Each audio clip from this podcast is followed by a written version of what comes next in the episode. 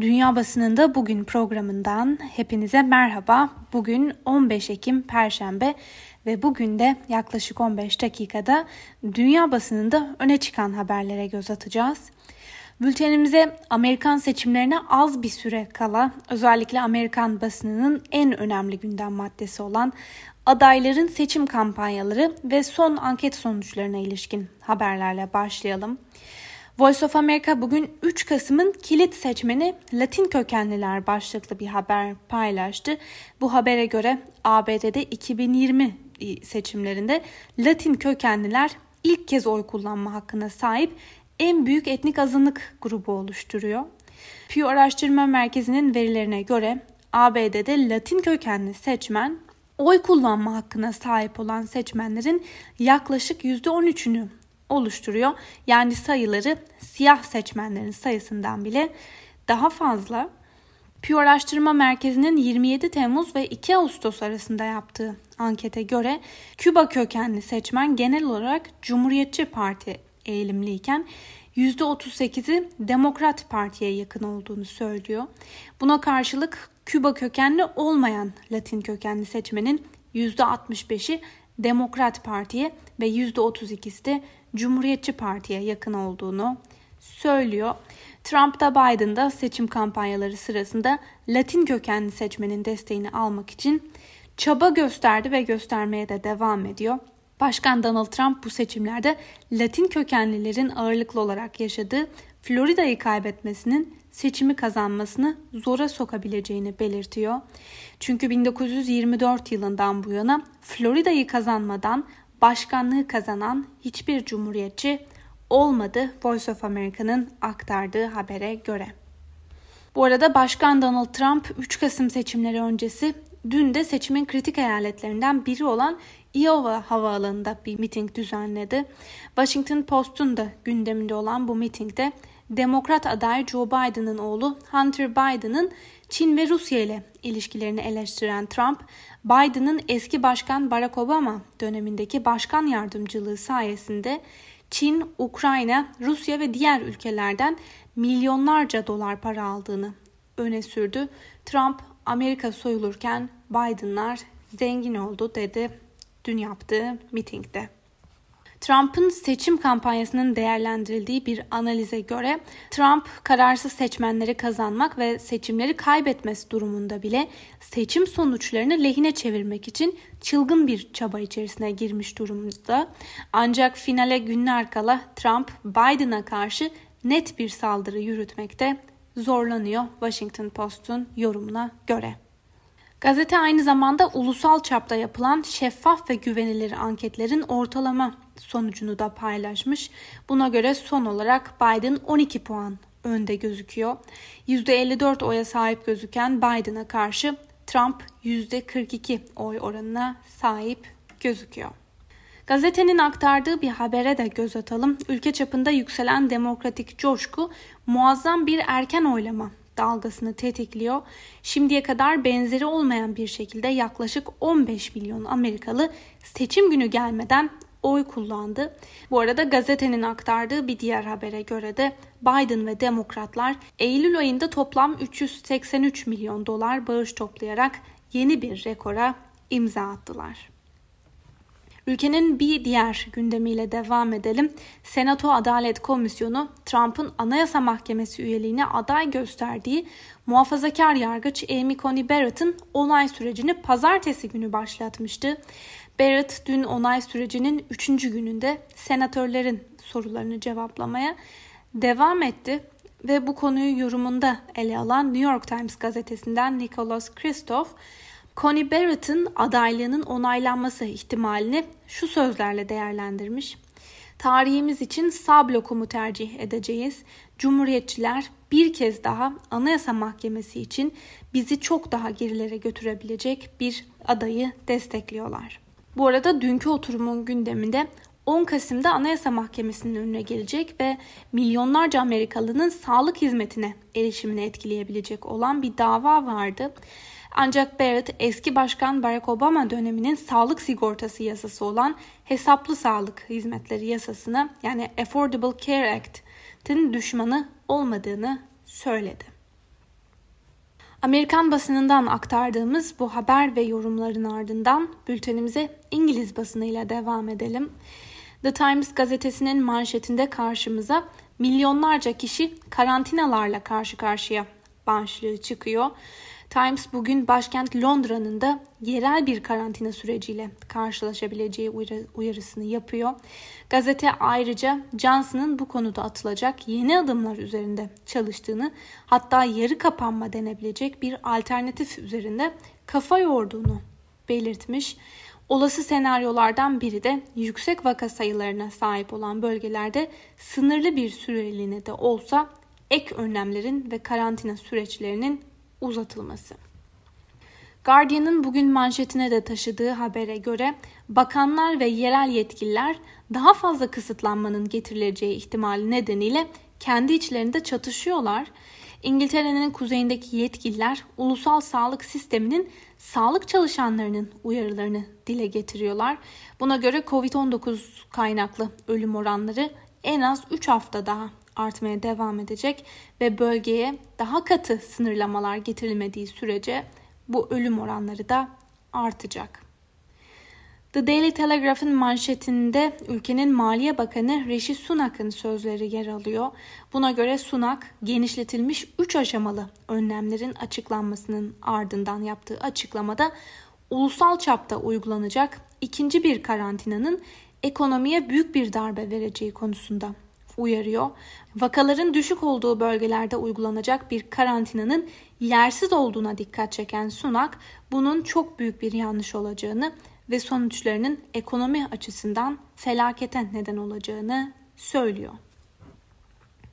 Sadece İngiltere değil, bütün Avrupa salgında ikinci dalga tedbirlerini arttırmaya başladı. Birçok ülkede bar ve restoranlar kapatılıyor eğitime yeniden ara veriliyor ve kısmi sokağa çıkma yasakları gündeme gelmeye başladı.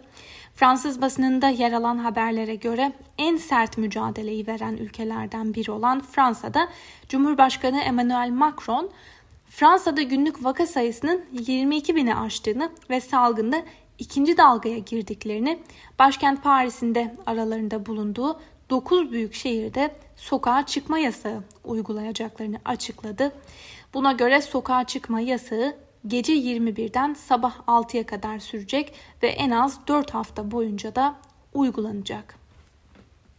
Fransız Le Monde gazetesinde salgının ekonomik etkilerinden kurtulmak için izlenmesi gereken bir yola ilişkin bir yazı paylaşılmış. Buna göre iktisatçı Thomas Piketty savaş sonrasının denenmiş yolundan gidilmesini öneriyor. Covid-19'un neden olduğu borç batağıyla nasıl baş edecek bu devletler?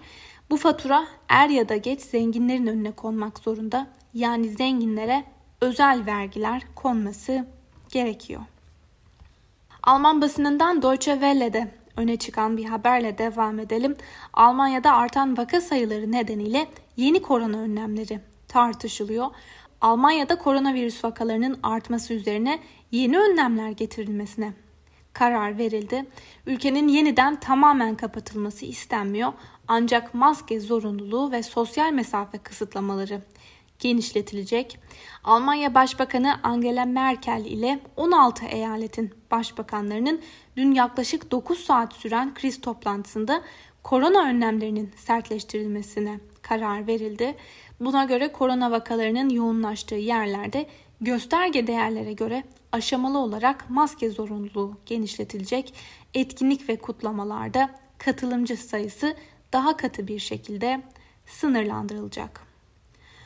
Öbür taraftan koronavirüsü nedeniyle Alman ekonomisinin 2020 yılında %5.4 oranında küçüleceği açıklandı. Ülkenin en önemli 5 ekonomi kuruluşunun hazırladığı rapora göre Avrupa'nın en büyük ekonomisi olan Almanya'da toparlanma en erken gelecek yılın sonlarına doğru başlayacak ve iyi koşullar altında %4.7 oranında bir büyüme olabilecek. %5.4'lük daralma oranı Almanya'nın 1970'te ekonomik verilerini kaydetmeye başladığı zamandan beri olan en büyük düşüşü yansıtıyor. Eurotopics'in bir haberiyle devam edelim. Hukuk devleti ilkesine aykırı davranışlarda mali yaptırım uygulanmasına ilişkin Avrupa Birliği içindeki tartışmada Polonya'da Başbakan Yardımcısı Jaroslaw Kaczynski 2021-2027 yılları Avrupa bütçesi görüşmelerini ve bununla yakından ilintili korona yeniden inşa fonlarını veto etmekle tehdit etti. Buna karşılık Kaczynski'nin tehdidini Avrupa Birliği'nin temellerini saldırı olarak tanımlayan Alman Frankfurter Allgemeine Zeitung'a göre bu tehdidi ciddiye almak gerekiyor. Gazete şu değerlendirmeyi yapmış. AB'yi AB yapan bütün değerlerden ve kurallardan Polonya'nın muaf olması Avrupa Birliği'nin temeline tahrip bombası koymak gibi bir şey. Diğer üye ülkeler bu şantaj çabasına karşı dimdik ayakta durmazsa orta ve uzun vadede tehlikeye girecek şeyler bütçeyle sınırlı kalmayacaktır. Avrupa Birliği bir gün gerçekten iflas ederse bunun nedeni Brüksel'deki bürokratlar değil, Kaczynski gibi politikacılar olacaktır.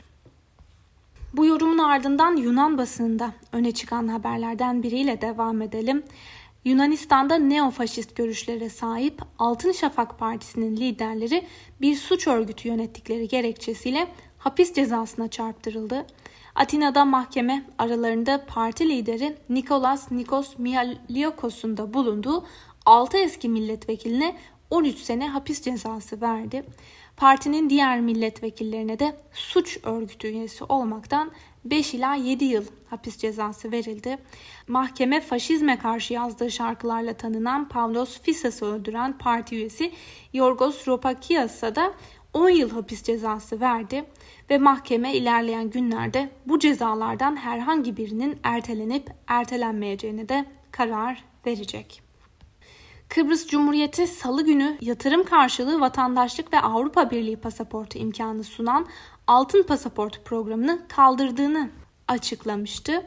Eurotopics'in aktardığına göre televizyon kanalı El Cezire Kıbrıs'ta kıdemli memur ve siyasetçilerin kuşkulu şahsiyetleri altın pasaport başvurularında fiilen desteklediklerini ifşa etmişti.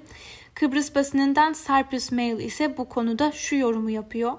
Bu imkanın geçmişte bol bol suistimal edildiği ve kurallara aykırı davranıldığı bir sır değil ancak tam da koşulların sıkılaştırıldığı ve yurt dışından 3 ciddi şirketin her başvuru için dikkatli bir denetleme yapmakla sorumlu tutulduğu bir dönemde bu uygulamanın kaldırılıyor olması ironik.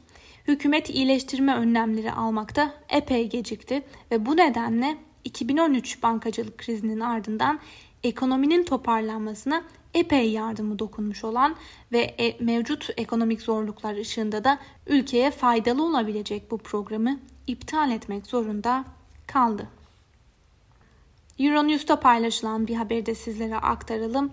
Uluslararası Para Fonu yani IMF küresel ekonomideki daralmanın özellikle gelişmiş ekonomilerde tahminlerinden daha az, gelişmekte olan ülkelerde daha fazla olacağı tahmininde bulundu.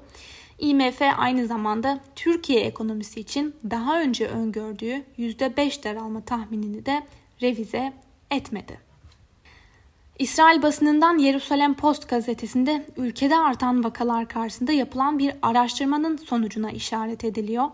Buna göre İsrail'de Covid-19 nedeniyle hayatını kaybeden hastaların %38'i bakım evlerinde yaşayan yaşlı insanlar. Salgının ilk döneminde hayatını kaybedenlerin yaklaşık %50'sinin bakım evlerinde kaldığı belirtilirken bu oranın ikinci dalgada şu ana kadar düştüğü belirtiliyor. Fakat yine de ülkede vakaların hızla yükselişe geçtiği Eylül başından 10 Ekim'e kadar bakım evlerinde kalan 313 kişi hayatını kaybetti. Yerusalem Post'un yorum köşesindeki bir yazıya da göz atalım. Çatışmasız yeni bir Orta Doğu'yu nasıl yaratabiliriz? Bahreyn, Birleşik Arap Emirlikleri ve İsrail arasında imzalanan normalleşme anlaşmaları tarihte bir dönüm noktası olma özelliği taşıyor Yerusalem Post'un yorumuna göre. Ve son olarak Rus basınından Moscow Times'ın gündemindeki bir habere göre de Rusya'da ikinci koronavirüs aşısı da onaylandı. Sputnik Haber Ajansı'nın da gündemine taşıdığı bu habere göre Rusya Devlet Başkanı Vladimir Putin'in dün tescil edildiğini duyurduğu Epivac Corona adlı COVID-19 aşısının 1 Ocak 2021'de halkın kullanımına sunulacağı belirtildi. Sevgili Özgürüz Radyo dinleyicileri, Moscow Times'tan aktardığımız bu haberle birlikte bugünkü programımızın da sonuna geldik. Yarın aynı saatte tekrar görüşmek dileğiyle. Hoşçakalın.